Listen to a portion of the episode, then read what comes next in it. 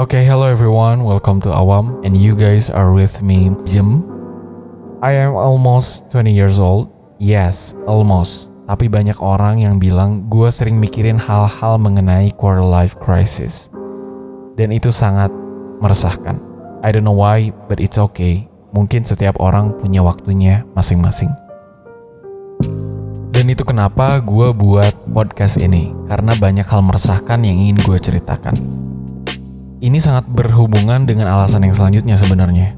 Alasan yang selanjutnya adalah karena gue sangat jarang bercerita sama orang lain. Gue sering diajak ngobrol, diajak curhat sama orang lain, tapi gue selalu menerapkan talk less, listen more.